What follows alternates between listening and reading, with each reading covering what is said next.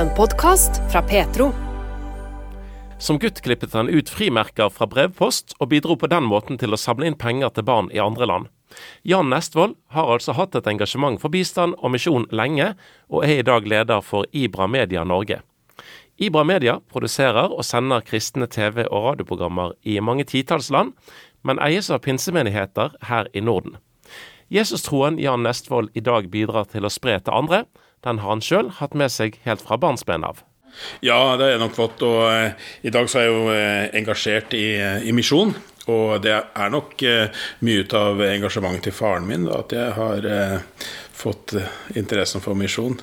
Jeg, jeg, husker ikke så veldig mye ut av det, men, men mor mi har fortalt at jeg har Når jeg var en åtte-ni år gammel, eller noe sånt, da, så hadde vi vært ute i en jordbæråker og plukka sånn selvplukk jordbær.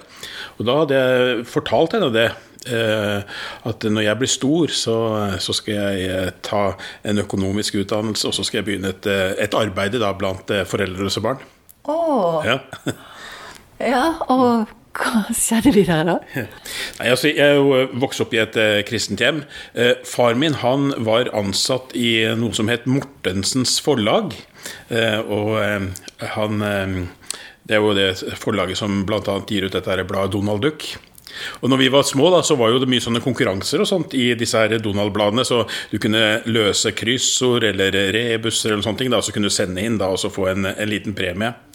Men så var det jo ikke sånn at uh, inne på forlaget at de åpna alle disse her brevene og, og så på eh, om det var riktig svar og sånt før de trakk en vinner. De trakk jo noen vinnere, og så uh, sjekka de svarene, og hvis det var rett, så var det de som var vinnende. Så mesteparten av den posten som kom inn til Donald, det var jo da uåpna post. Men de havna inne på soverommet hos meg, mange av dem. Ja. Og så hadde jeg fått i, i oppgave da også klippe løs frimerket fra disse konvoluttene. Og så ble, eh, tok faren far min da og eh, bløtla dem da og gjorde dem klar, da, og så sendte dem inn til en kar som solgte disse her til samlere. Og de pengene han fikk, til, da, fikk inn for dette her, det gikk da til et barnehjem i India. Og det var vel kanskje den første lille spiren av da misjonsinteressen eh, våkna. For eh, det var, en, ja, det var litt stort det å vite at når jeg satt her og, og tjente noen eh, lommepenger, så var det barn da i, i India som fikk mat og klær og, og, og skolegang, da, pga. at han som solgte disse frimerkene videre, da, ga pengene til det barnehjemmet. Oi. det var Kjempeartig. det var eh, Bare for et par år siden så var jeg jo i kontakt med ledelsen for det barnehjemmet, og det er jo oppe og går ennå den dag i dag. Så det var kjempeartig å, å, å kunne hilse på dem, da. Å, utrolig. Mm. Så det er så li altså når du var så liten, og alt, hvor stor betydning det skulle ha for hele din fremtid og for masse andre mennesker? Ja, jeg, jeg kan ikke ha vært så veldig gammel. Jeg må ha vært en seks, syv, syv-åtte år. eller sånne ting da.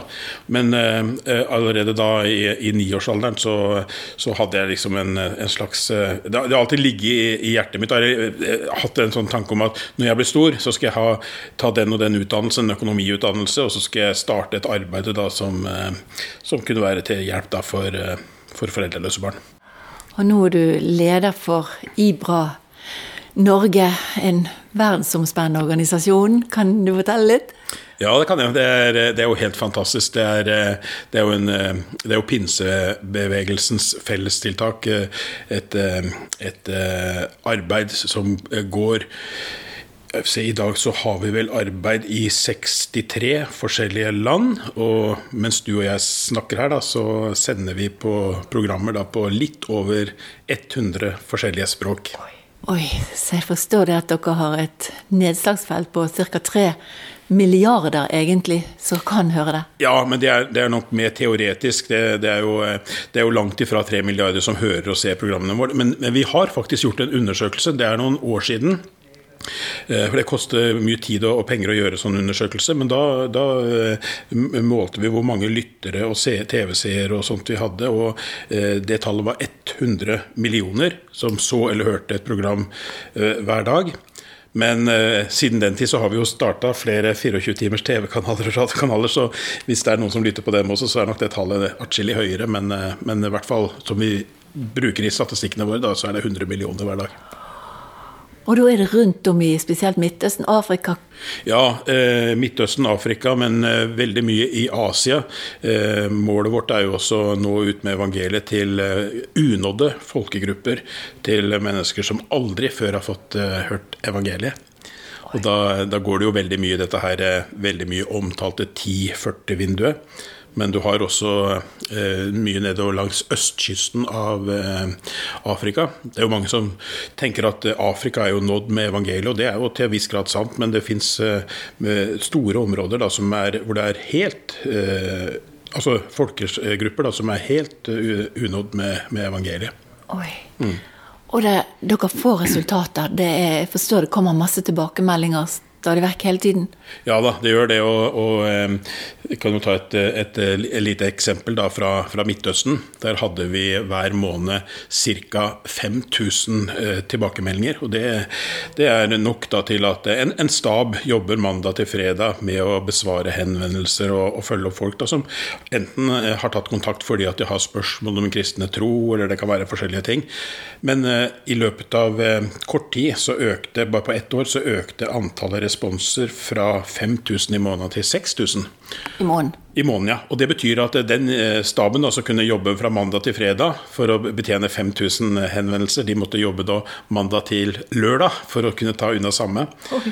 Men det som skjedde da eh, etter at vi kom eh, i gang med satellitt-TV-sendinger, og etter hvert som folk også fikk med tilgang på, på smarttelefoner og, og ja, andre måter å kommunisere på, så, så satt vi ikke lenger med, med 5000 henvendelser hver måned, men det økte jo til 10 000. Det økte økte til 13 000, det økte til 16 000, det økte til 18 000. Vi passerte 22 000, 26 000, 30 000, og det så begynte å flate ut da på rundt 33 000 hver eneste måned. Og det ville jo egentlig i utgangspunktet ha knekket ryggen på en hvilken som helst organisasjon, men uh, heldigvis, da, i de årene som var uh, i, forkant, så hadde vi utvikla et uh, online-basert oppfølgingssystem. Så vi sender jo ikke radio eller TV for, for moro skyld. Det, det, viktigste vi gjør, det er jo også å følge følge opp da, de som eh, eh, gir respons da, på evangeliet på en eller annen måte. Og Da handler det enten om at de får personlig kontakt, eh, eller at de har, hvis det er litt lange avstander, at de har kontakt over telefon eller sånne ting. Men at de får en, en, eh, ja, en oppfølging og kan også innlemmes i en menighet da, og sånne ting. Så mange av alle disse kolossale mengder av tilbakemeldinger, de blir kristne, mange av de altså? Ja, man skal være veldig forsiktig med, med, med, statistikk, for eh, det kan både brukes og misbrukes. Eh, men ja, vi, vi ber med om lag en kvart million mennesker til frelse hvert år. Men så vet vi også det at det er jo noen som eh, som ja, faller fra, da, om du vil si det sånn.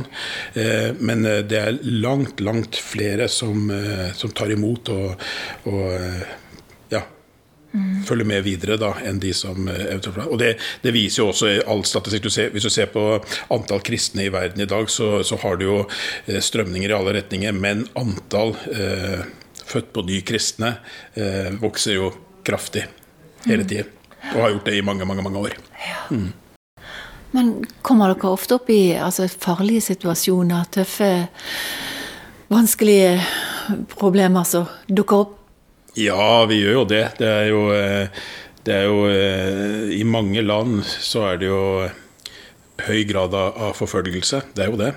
Og eh, i noen land så, så er det jo med, med, risiko for sitt eget liv og, og helse, det å, å akseptere evangeliet, ta imot Jesus, bli en kristen. Det, og det er, det er, ikke bestandig at det er offentlig forfølgelse fra myndigheter, og sånne ting, men det er jo ofte fra familie, eh, arbeidskollegaer og, og sånne ting. Så du, ta, I enkelte land, hvis du, hvis du, velger å ta imot Jesus, så, så risikerer du å, å, miste relasjonen med din nærmeste familie. Du risikerer å miste arbeidsplassen din eller bli hivd ut av skolen du går på. og sånne ting. Så, så ja, det er, eh, det er, det er tøffe, tøffe forhold. Så du når ikke du er i Mosjøen og jobber Du har jo hatt en egen bedrift òg. Men når ikke du er der, så er du ute og starter nye TV-kanaler eller stasjoner og radiostasjoner? Jeg har ikke så mye greie på radio og TV sjøl. så vi har dyktige folk eh, rundt omkring i hele verden da, som, eh, som, kan dette her med det tekniske utstyret og sånt. Men, men ja, jeg er, jeg er, mye på reise, så nå har jeg mer eller mindre vært på reise i halvannen, nesten to måneder. Bare vært hjemom og vaska litt klær og hilst på familien og sånt, og så er det ut igjen. Så av og til så er det mye reising. Det er det. Men, eh, men eh, det er jo veldig artig da, å se hvordan eh, arbeidet går fram, og ja, hvordan det, mange mennesker er oppriktig takknemlige for at de har fått lov å høre evangeliet, tatt imot Jesus og, og ja. Sjøl så føler jeg meg jo mer og mer som en postmann. Fordi at eh, jeg tar jo med hilsener og, og eh, gaver da, som er gitt av eh, Det, det sendes, jo, sendes jo, pengestøtte også ut til prosjektene. Og tar med hilsener ut da, når jeg følger opp og sånne ting. Og så tar jeg med hilsener tilbake. Og de virkelige heltene i det store verdensomspennende arbeidet, det er jo de lokale partnerne som er der ute, og ikke minst også de som tilhører menighetene her hjemme i Norge, da, som både ber for arbeidet, og som er med og støtter det. Så, så jeg, jeg, jeg, har en rolle som en postmann og trives i den rollen. på mange måter. Jeg forstår jo sånn at dere følger opp eh, altså det lokale mennesker dere bruker, og at dere følger de veldig opp? Eh. Ja da. Altså det, det, viktigste vi gjør, det er, å, det er jo å, følge opp. Og et, et sånt oppfølgingsarbeid, eh, noe av det som virkelig har eh, fungert veldig, veldig bra, det er noe som vi kaller for DMM og DBS. DMM det står for Disciple Making Movements. Og DBS det er for Discovery Bible Studies. Og det er opprettelse da av bibelstudiegrupper for ikke-troende mennesker. Så de kan komme sammen for å studere Bibelen. Og eh, ja, det er veldig mye å si om det, men det er altså da bibelgrupper som er designa sånn at de er eh, i stand til å multiplisere seg selv. Så om du og jeg hadde hatt en sånn eh, bibelgruppe her og nå, så kunne i morgen så kunne du og jeg gå inn i hvert vårt hjemmemiljø og oppretta nye grupper der med seks, sju, åtte personer. Som igjen da kunne starte nye grupper blant sine eh, nettverk. da, eh, og, på den måten da så, så, sprer det seg. Og Et litt mer konkret eksempel. da, F.eks. i Mosambik så starta vi blant fire millioner ikke-troende mennesker da i eh, nordre del av Mosambik. Så starta vi en sånn bibelgruppe nå for seks år sia. Og etter fire år så var den ene gruppa da eh, økt til 50 bibelgrupper. Oi. Eh, de neste to åra så øker det igjen fra 50 grupper til 500. Og det er liksom det siste nye nå, da, at det er blitt 500 grupper i, i Mosambik. Men det er jo allerede flere måneder siden, så de 500 de har også nå økt til 800 grupper. Så dette er noe som virkelig fungerer. Oi. Og de gruppene de vokser, det blir jo som små husgrupper. Så etter hvert som husgruppene blir større, da, så, eh, enten så blir de da til eh, menigheter, eller så slår to-tre grupper seg fram, sammen da, til, eh, til menigheter. Mm. Så det er veldig spennende. Men det, noe av det viktigste vi gjør, det er også å følge opp mennesker. Jeg vet det, Jan, at, at, foran alt dere gjør, for alle prosjekter og foran alt, så er dere veldig avhengig av bønn. Masse bønn. Ja, Bønn det er vel kanskje noe av den mest ubenyttede ressursen vi som eh, kristne har. Eh, det fins jo tusenvis av bøker og undervisningskassetter eller CD-er eller eh, MP3 eller hva sånt om bønn. Men allikevel, bønn er noe av det viktigste vi gjør. Det er samarbeid med Gud. Og det er når vi ber at ting virkelig begynner å skje.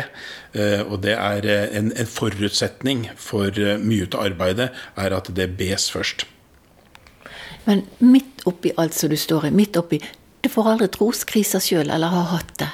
Ja, eh, nei, eh, hvis du med troskrise mener f.eks. Eh, Guds eksistens eller sånne ting, så, så, er nok relasjonen litt for sterk til det. Eh, Gud, han eh, er min, eh, min, pappa, han er min far. Det, jeg har jo aldri noe troskrise på om foreldra mine fins eller ikke.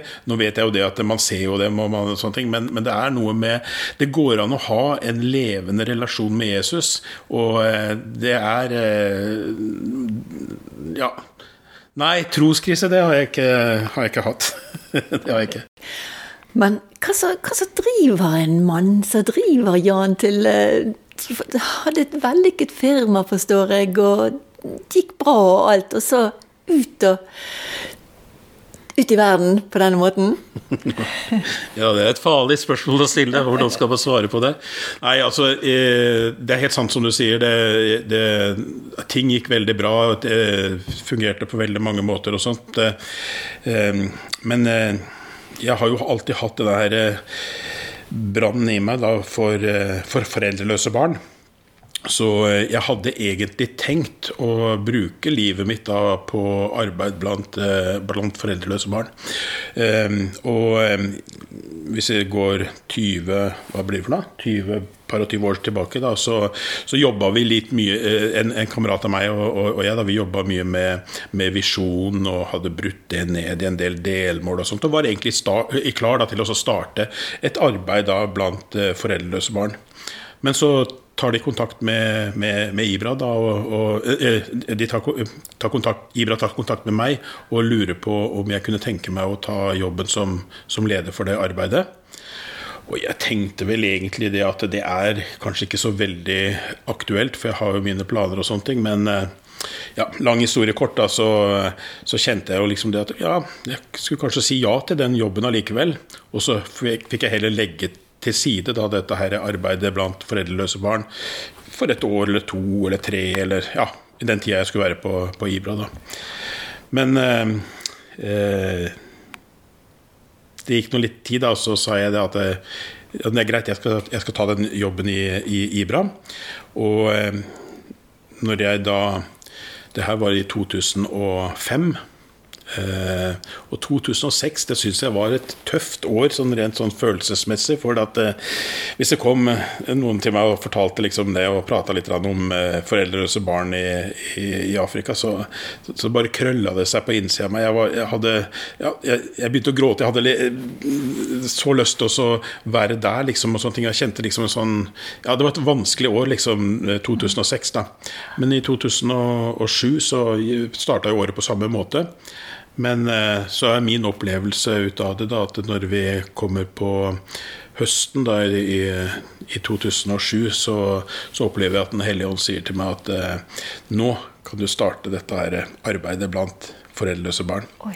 Og jeg tenker jo det at det var jo eh, det, Hvordan skal det gå? Liksom, nå har jeg jo noe som jeg opplever sjøl som en 140% stilling i Ibra. Det er jo så mye å gjøre, og det er så mange ting som ligger i, i planen. og sånne ting, Men samtidig så var det noe som inni meg som sa at eh, som bare, Ja, men det er jo ikke noe annet enn det jeg har lyst til. Så eh, prata litt da med, med noen av mine nærmeste, da, og så styret i Ibra og, og ja, prata litt om dette her, og så starta vi da arbeidet i eh, begynnelsen da på 2008. Det er jo mange, mange, mange, prosjekter blitt etter hvert, og det er jo mange land og sånne ting, så til sammen så er det vel en 1300 barn da, som har eh, ja, fått en, en, tryggere oppvekst og en, og en bedre framtid.